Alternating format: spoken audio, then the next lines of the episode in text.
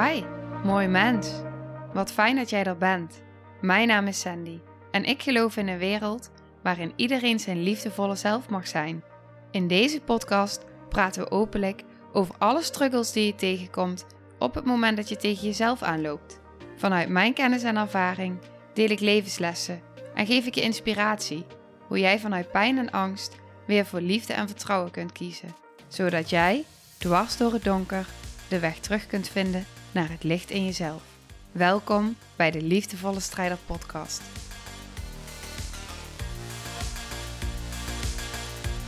Hey, hallo. Dag, lieve jij. Nou, we zijn hier aangekomen bij deel 2 van de vorige aflevering. Ik vind het ook wel mooi dat de afleveringen ergens ook wel een beetje op elkaar uh, voortduren. Uh, de aflevering die ik laatst online zette over dat je de ander niet kan veranderen, maar dat het gaat over jezelf veranderen. De vorige aflevering is natuurlijk deel 1 van deze aflevering. En dat we nu nog een stapje verder mogen gaan. Oké, waar ik in de vorige aflevering was gebleven, ging natuurlijk heel erg over eh, de kindsdelen die vastzitten nog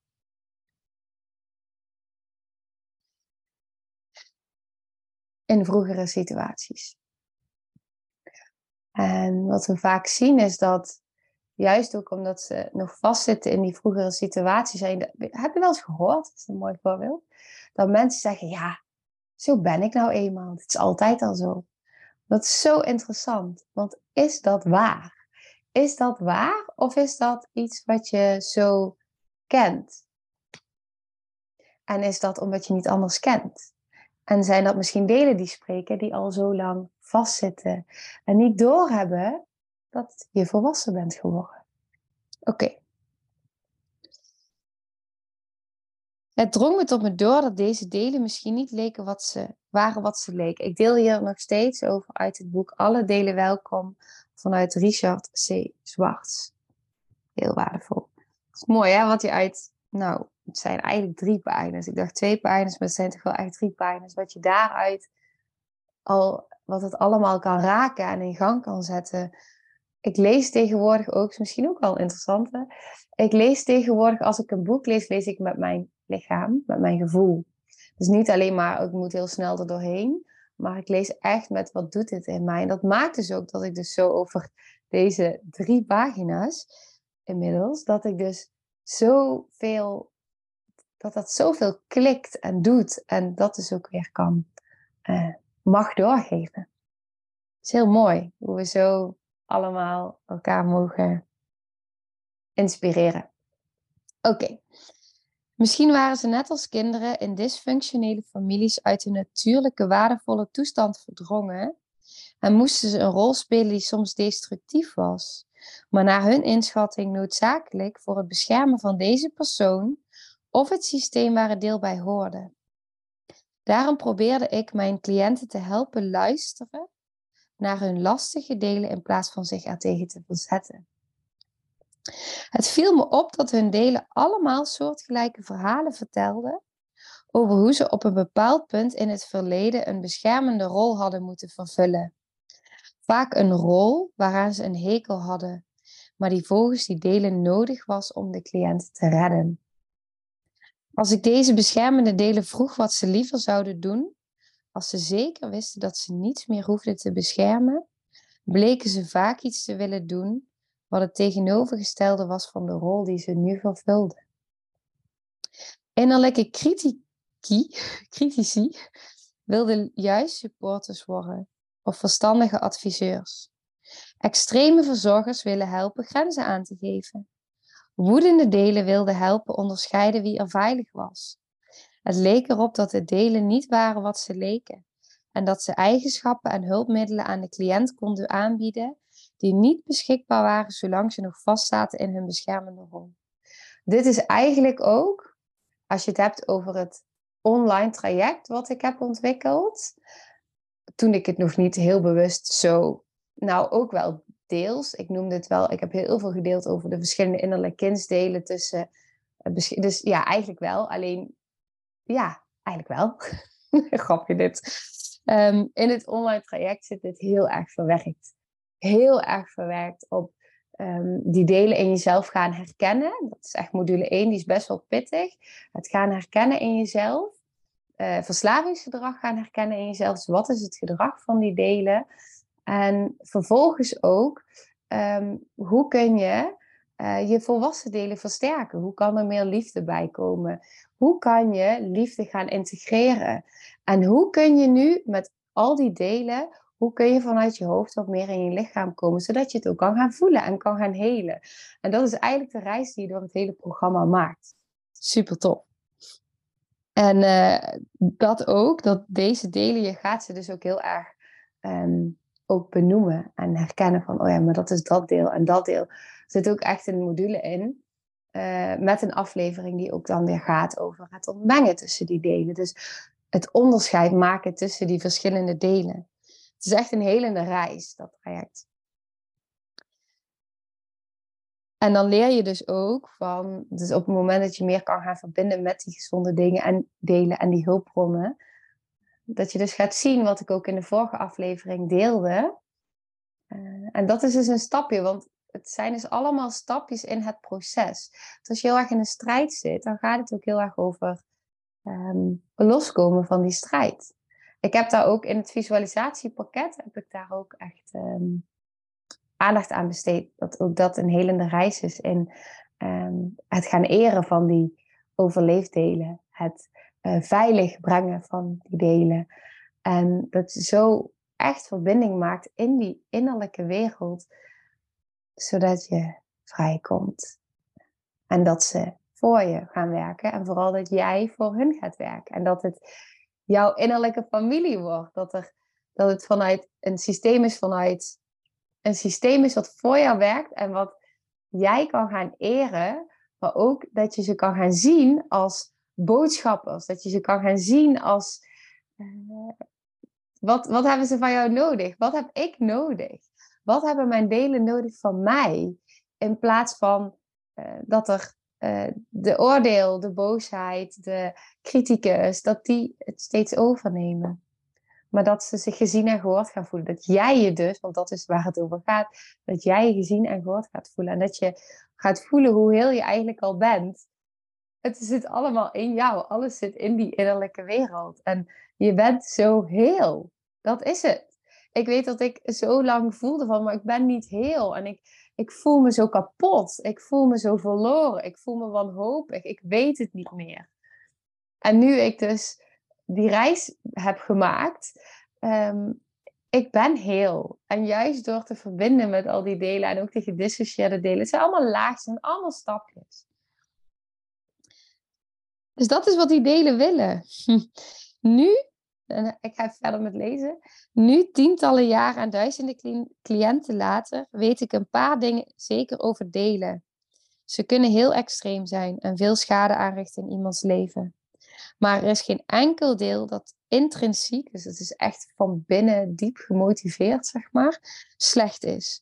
Zelfs de delen die zorgen voor overeten, voor uithongeren, die mensen laten verlangen naar zelfdoding of moord, al die delen die jij benadert vanuit een mindfule houding, dus met respect, met nieuwsgierigheid, met liefde, met compassie, vertellen over een verborgen voorgeschiedenis, waarin ze gedwongen waren om deze rol op zich te nemen, doodsbang dat er iets vreselijks zal gebeuren als ze dat niet doen. En over dat ze vastzitten in het verleden, midden in de traumatiserende periode toen ze die rol op zich moesten nemen. En dan zegt hij, in feite was mijn conclusie dat liefde het antwoord is voor deze innerlijke wereld. Dat is het. Het is altijd liefde. Dat is waarom ik deze podcast ben begonnen. Dat is mijn reis geweest. Dat is het traject. Dat is in alles, alles. Het is liefde. Liefde is, het is echt zo. Het is echt liefde. Liefde is het antwoord voor de innerlijke wereld, zoals dat ook geldt voor de buitenwereld. Luisteren, omarmen en van ze houden werkt voor delen net zo helend als transformerend als voor mensen. Vanuit een boeddhistisch standpunt bezien helpt IFS, dat is dus het Internal Family System model, om de Bodhisattva, geen idee, uh, van hun eigen geest te worden. In die zin dat ze elk innerlijk wezen met bewustzijn, dus elk deel, kunnen helpen om via liefde en compassie verlichting te bereiken. Nou, en dat is dus exact wat ik heb ervaren. En dat is exact wat ik ook deel in al deze afleveringen. Het gaat over verlichting en bevrijding. En op het moment dat er meer verbinding komt, heling komt uh, in die innerlijke wereld, dan gaat dat over jezelf zo mogen helen en bevrijden. En dat is het. Dat is waar het over gaat. Ja, ik heb het zo. Ik heb. Ik deel. Ik heb um, heel lang een soort van.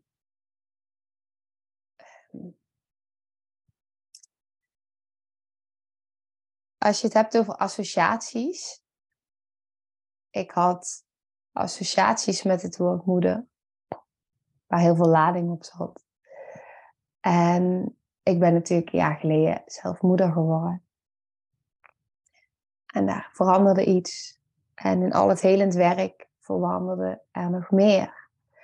En wat ik ervaarde op een gegeven moment, was dat ik de hele tijd linkjes kreeg naar een innerlijke moeder in mij. Ik werd daar naartoe geleid. Dat is goed werk met heling. Op het moment dat je op de juiste weg bent. Nee, je bent altijd op de juiste weg, maar dat je. Is dat zo? Zegt iets in mij. Ik geloof dat je altijd op de juiste plek bent.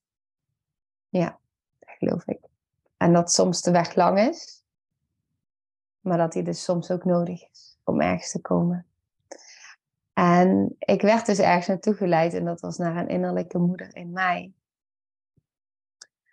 En op een gegeven moment kon ik die gaan omarmen. En kon ik die steeds meer van binnen gaan voelen. En een innerlijke moeder. En ik ben op een gegeven moment ook gaan opschrijven van. Wat is nou de ideale moeder? En hoe ziet dat eruit? Is de ideale moeder perfect? Nee. Maakt de ideale moeder fouten? Ja. Maar wat doet de ideale moeder nog meer? Zij deelt haar kwetsbaarheid. Dus zij deelt dat ze een fout, de zaak hebben, want wat is fout, um, heeft gemaakt. Zij deelt haar gevoel.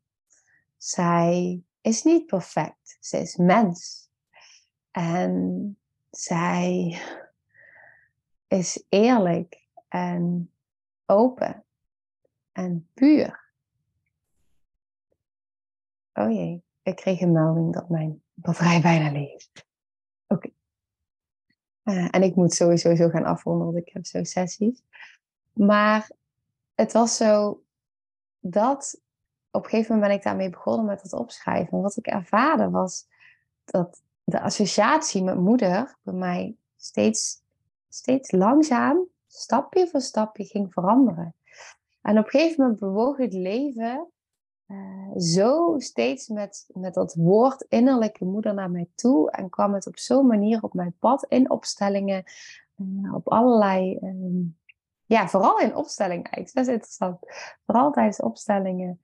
Dat ik die steeds meer ging ontmoeten in mezelf.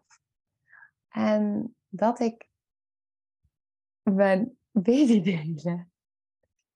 Mijn meest kwetsbare delen, omdat er zoveel liefde in mijn systeem en compassie in mijn systeem is gekomen voor mezelf, dat ik dus kon die, die babydelen van mij, dat ik die uh, kon ontmoeten en dat ik ze naar mijn hart kon brengen. En dat ik dus, dat die beschermdelen dus alle ruimte hebben gegeven om vanuit die gezonde delen verbinding te maken met dat wat zij zo, uh, zo hebben beschermd. met man en macht. En dat was ja heel destructief. Maar wat was het alternatief? En die wil ik dat je die voor jezelf meeneemt. Van wat, was, wat is het alternatief geweest? En op het moment dat je heel erg nog in die strijd zit en misschien worstelt tegen verslavingsgedrag tegen ander gedrag, en dat je daar vast in zit of dat je het ziet bij de ander, maar dan is de vraag, maar wat is nu het alternatief? Is er genoeg regulatie? Zijn er genoeg hulpbronnen? Is er genoeg bedding, veiligheid, uh, gedragenheid van binnen of in ieder geval met iemand die jou kan co-reguleren? Want dat is ook wat ik um, als therapeut doe. Op het moment dat ik met iemand ben, in een opstelling, wat dan ook. Het co-reguleren, dus met het zenuwstelsel kunnen wij elkaar zenuwstelsel reguleren. En uh, ja, ik weet niet of je dit begrijpt, maar misschien wel, misschien ook niet. En anders is het ook oké. Maar in ieder geval, het is ook niet nu het moment om het uit te leggen in ieder geval. Maar je kan dus de ander, dat is, dat is de basis. De basis is um, veiligheid, hulpbronnen, regulatie en bedding. En als dat er is, dan pas is er ruimte voor exposure. En wat is exposure? Exposure is traumaconfrontatie. Um, met, met, met die, wat die delen beschermen, wat daarachter zit. Het is traumaconfrontatie. En daarvoor is dus vertraging essentieel. Daarom praat ik zo vaak ook over waarom die vertraging zo belangrijk is. Want vaak willen we zo graag heel snel. En ik blijf het benoemen. Echt als je mijn podcast volgt, als je dit kijkt, als je luistert. Ik blijf het benoemen. Omdat ik zo heb mogen ervaren en heb mogen leren. Dat hoe sneller ik wilde, of hoe sneller iets in mij wilde. Dan gingen al mijn beschermdelen, die stonden wel klaar hoor. Om mij te beschermen. Want hoezo zouden zij het nu wel gaan vertrouwen? Hoezo zouden zij jou nu wel gaan vertrouwen? Dus ook met als je last hebt van bepaald gedrag, als je lijdt onder bepaald gedrag, dan hoop ik dat deze aflevering en de vorige aflevering inzicht geven in hoe het van binnen echt werkt. En dat dat gedrag hulpbronnen zijn, omdat ze ooit zo nodig zijn geweest. En pas als zij gaan voelen dat er genoeg vertrouwen is, en genoeg veiligheid en genoeg volwassenheid van binnen, dat zij niet meer die functie nodig hebben. En dat is dus niet vanuit de mind, maar dat gaat echt over het voelen. En de mind doet mee. Hè? Het is samenwerking. Het is het hele, daarom, is het, daarom werk ik holistisch. Het is het holistische. Het is alles. Lichaam, geest, ziel.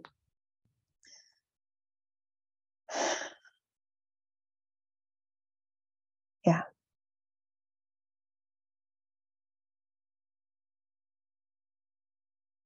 Dat is het. Dan pas wordt het mogelijk om echt op de diepere lagen en met die delen daaronder die zij zo beschermen, om daarmee te verbinden. En het is zo helend, het is zo bevrijdend, het is zo, ja, het is zo thuiskomen. Ja. Oké, daar ga ik hem mee afsluiten. Dus ik hoop dat je deze ook mee kan nemen voor jezelf en ik wil hem wel nog, ik wil nog wel iets aan je meegeven aan het einde van deze aflevering. en dat is vooral van, als je jezelf de vraag stelt van, hoe zou mijn innerlijke gezonde volwassene, en misschien is dat wel fijn om hem vanuit de innerlijke moeder, maar hoe zou die ideale moeder eruit zien? En dan gaat het dus niet over dat een ideale moeder dus perfect is. Maar wat is, is, is die wel? Wat is een, een ideaal volwassen gezond deel uh, van binnen? Hoe zou die eruit zien? Hoe zou die met jou in gesprek gaan? Wat zou die tegen jou zeggen? Hoe zou die met jou omgaan? En misschien kun je dat voor jezelf gaan uitschrijven. Om te kijken van hé, maar wat, wat, wat doet dat met mij? En uh, ja, wat wordt er allemaal geraakt in mij in wat ik nu ook weer heb gehoord in deze aflevering? En wat kan ik hieruit meenemen voor mezelf? Dat. Oké. Dan ga ik hem nu afronden. En um, ja, dan wens ik je een hele fijne dag. En ik hoor heel graag, echt heel graag, wat deze aflevering uh, voor jou betekent. En wat het met je doet. En of je een vraag hebt. Oké. Okay. Doei doei. Dankjewel. Nou, lieve mensen, ontzettend bedankt voor het luisteren. Ik ben heel benieuwd wat je van de aflevering vond en welk inzicht je eruit hebt gehaald. Mocht je nog vragen hebben of is er een onderwerp waar je meer over wilt weten, laat het me dan weten. En wie weet neem ik het mee in een van de volgende afleveringen. Als je het leuk vindt, kun je de aflevering delen. Of maak een screenshot en tag me op Instagram. Want ik vind het echt super tof om te zien wie er luistert. De link van mijn Instagram staat in de beschrijving bij de podcast. En wil je blijvend geïnspireerd worden? Klik dan op abonneer of volgen in de podcast-app waarmee je luistert. Dat zouden ik en alle toekomstige luisteraars enorm waarderen. Want dat zorgt er namelijk voor dat de podcast beter gevonden wordt. Nogmaals, dankjewel voor het luisteren en heel graag tot de volgende aflevering.